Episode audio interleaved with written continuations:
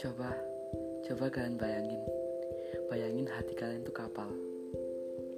Suatu ketika, kapal itu nggak boleh berlabuh di suatu pelabuhan. Entah itu sebulan, setahun, atau bahkan selamanya.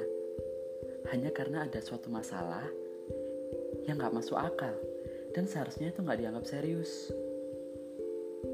Akhirnya kapal itu nggak punya tempat berlabuh, walaupun masih banyak pelabuhan yang mau menerima kapal itu.